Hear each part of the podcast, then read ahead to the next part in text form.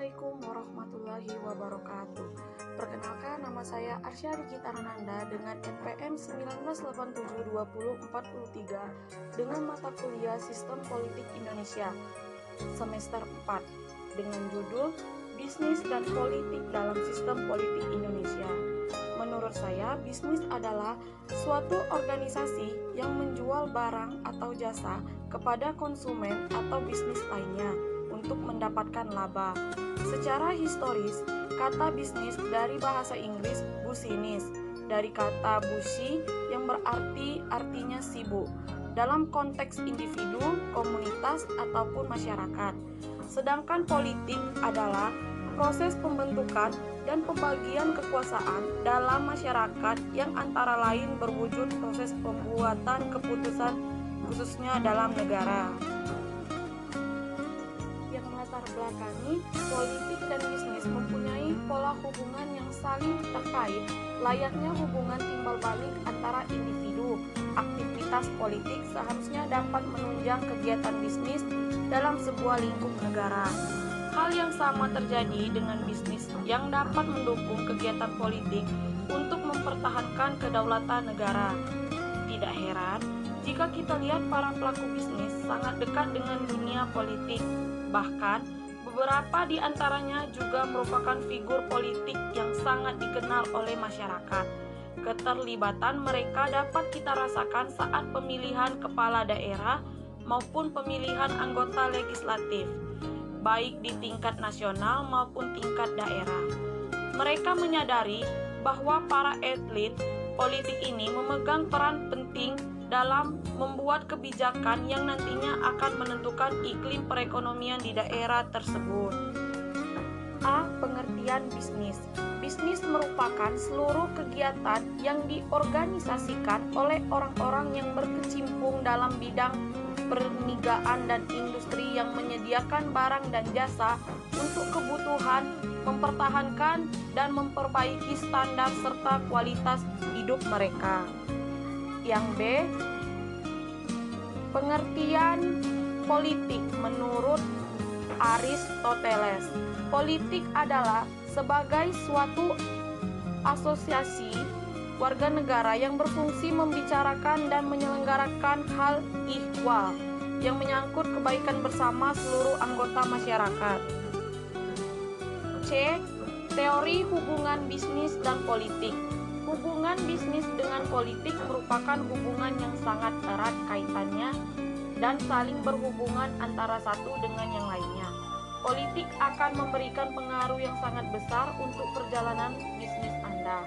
Situasi politik yang tidak stabil akan mengakibatkan perekonomian yang merosot, sehingga memiliki dampak besar terhadap bisnis yang sedang Anda jalani.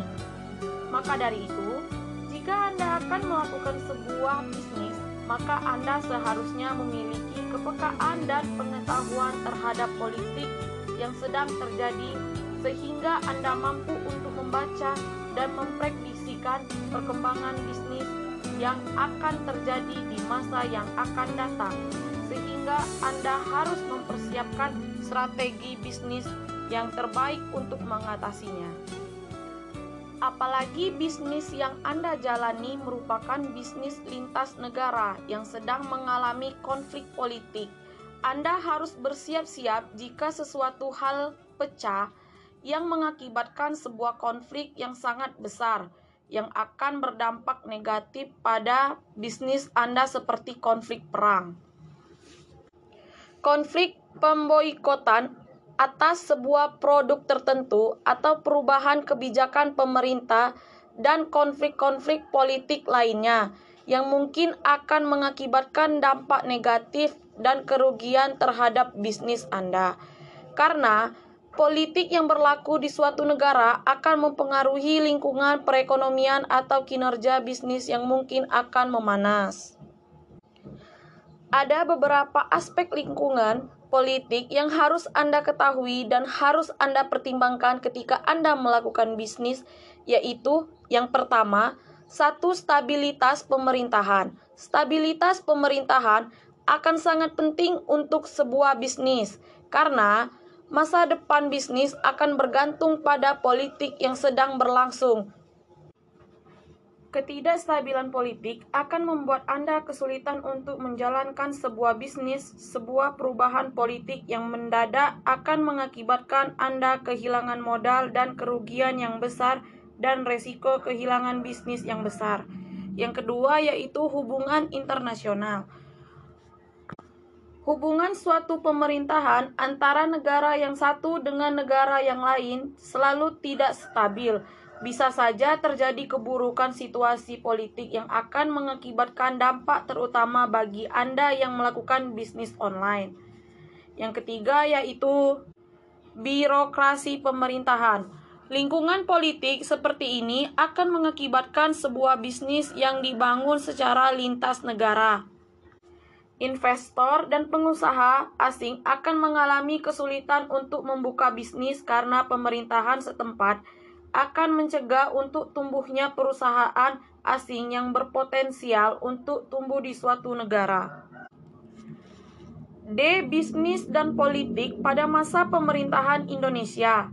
Yang A. Bisnis dan politik pada masa Soekarno. 1.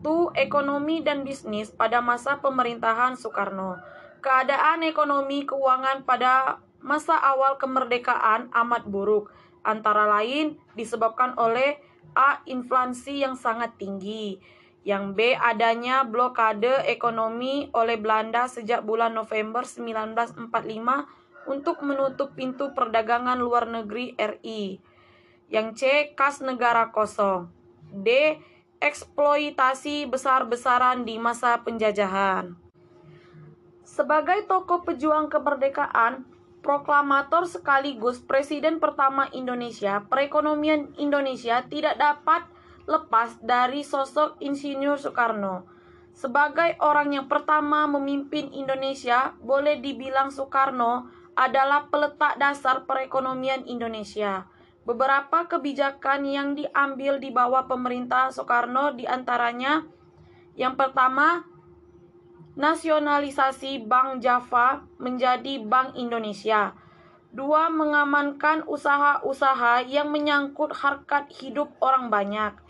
Yang ketiga, berusaha memutuskan kontrol Belanda dalam bidang perdagangan ekspor impor. Yang keempat yaitu serta beberapa kebijakan lainnya yang ditunjukkan untuk memajukan perekonomian Indonesia.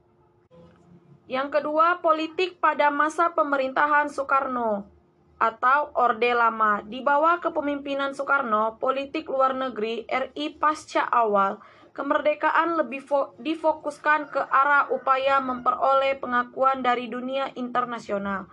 Sejak diberlakukannya Dekrit Presiden tahun 1959, sistem pemerintahan negeri ini pun berahli ke demokrasi terpimpin Dikeluarkannya dekrit ini dipengaruhi oleh berbagai situasi politik demostik saat ini.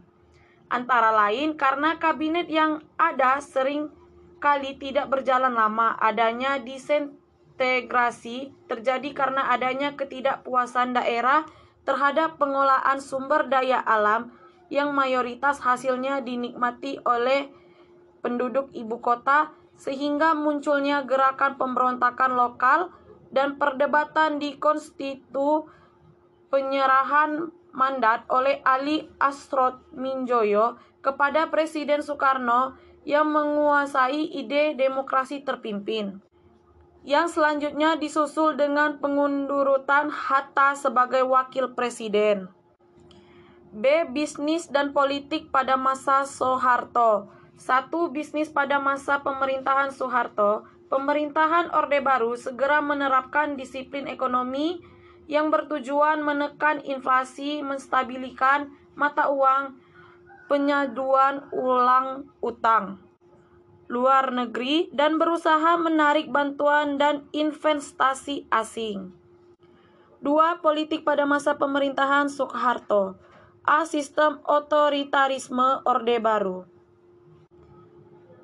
Di dalam sistem Orde Baru, model negara Indonesia merupakan model negara kapitalitas. Model ini masyarakatnya adanya negara yang kuat yang mampu menjamin stabilitas politik dan keamanan yang berkelanjutan.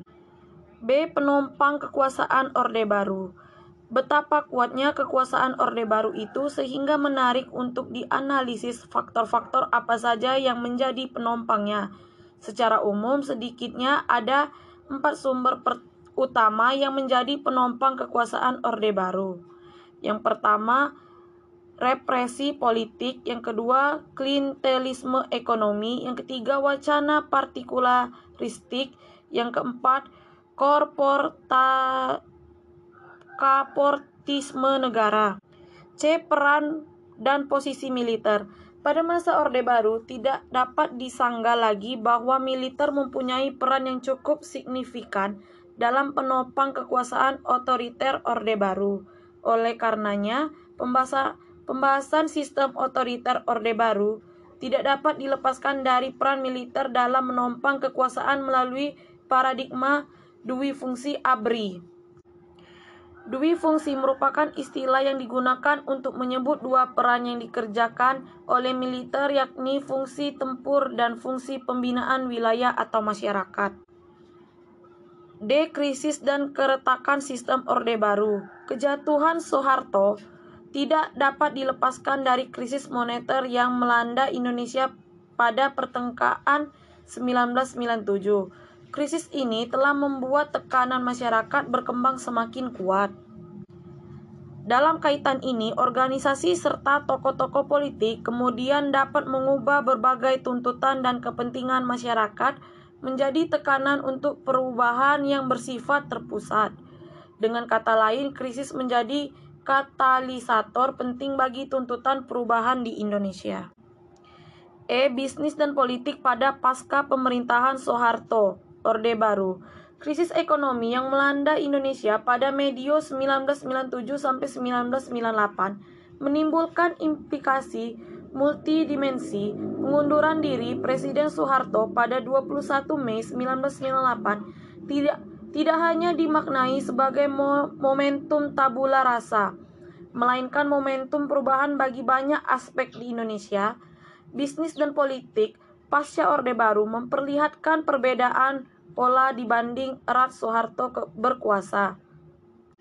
Mungkin hanya itu yang bisa saya dapat jelaskan. Lebih dan kurang saya mohon maaf kepada Allah saya mohon ampun. Wassalamualaikum warahmatullahi wabarakatuh.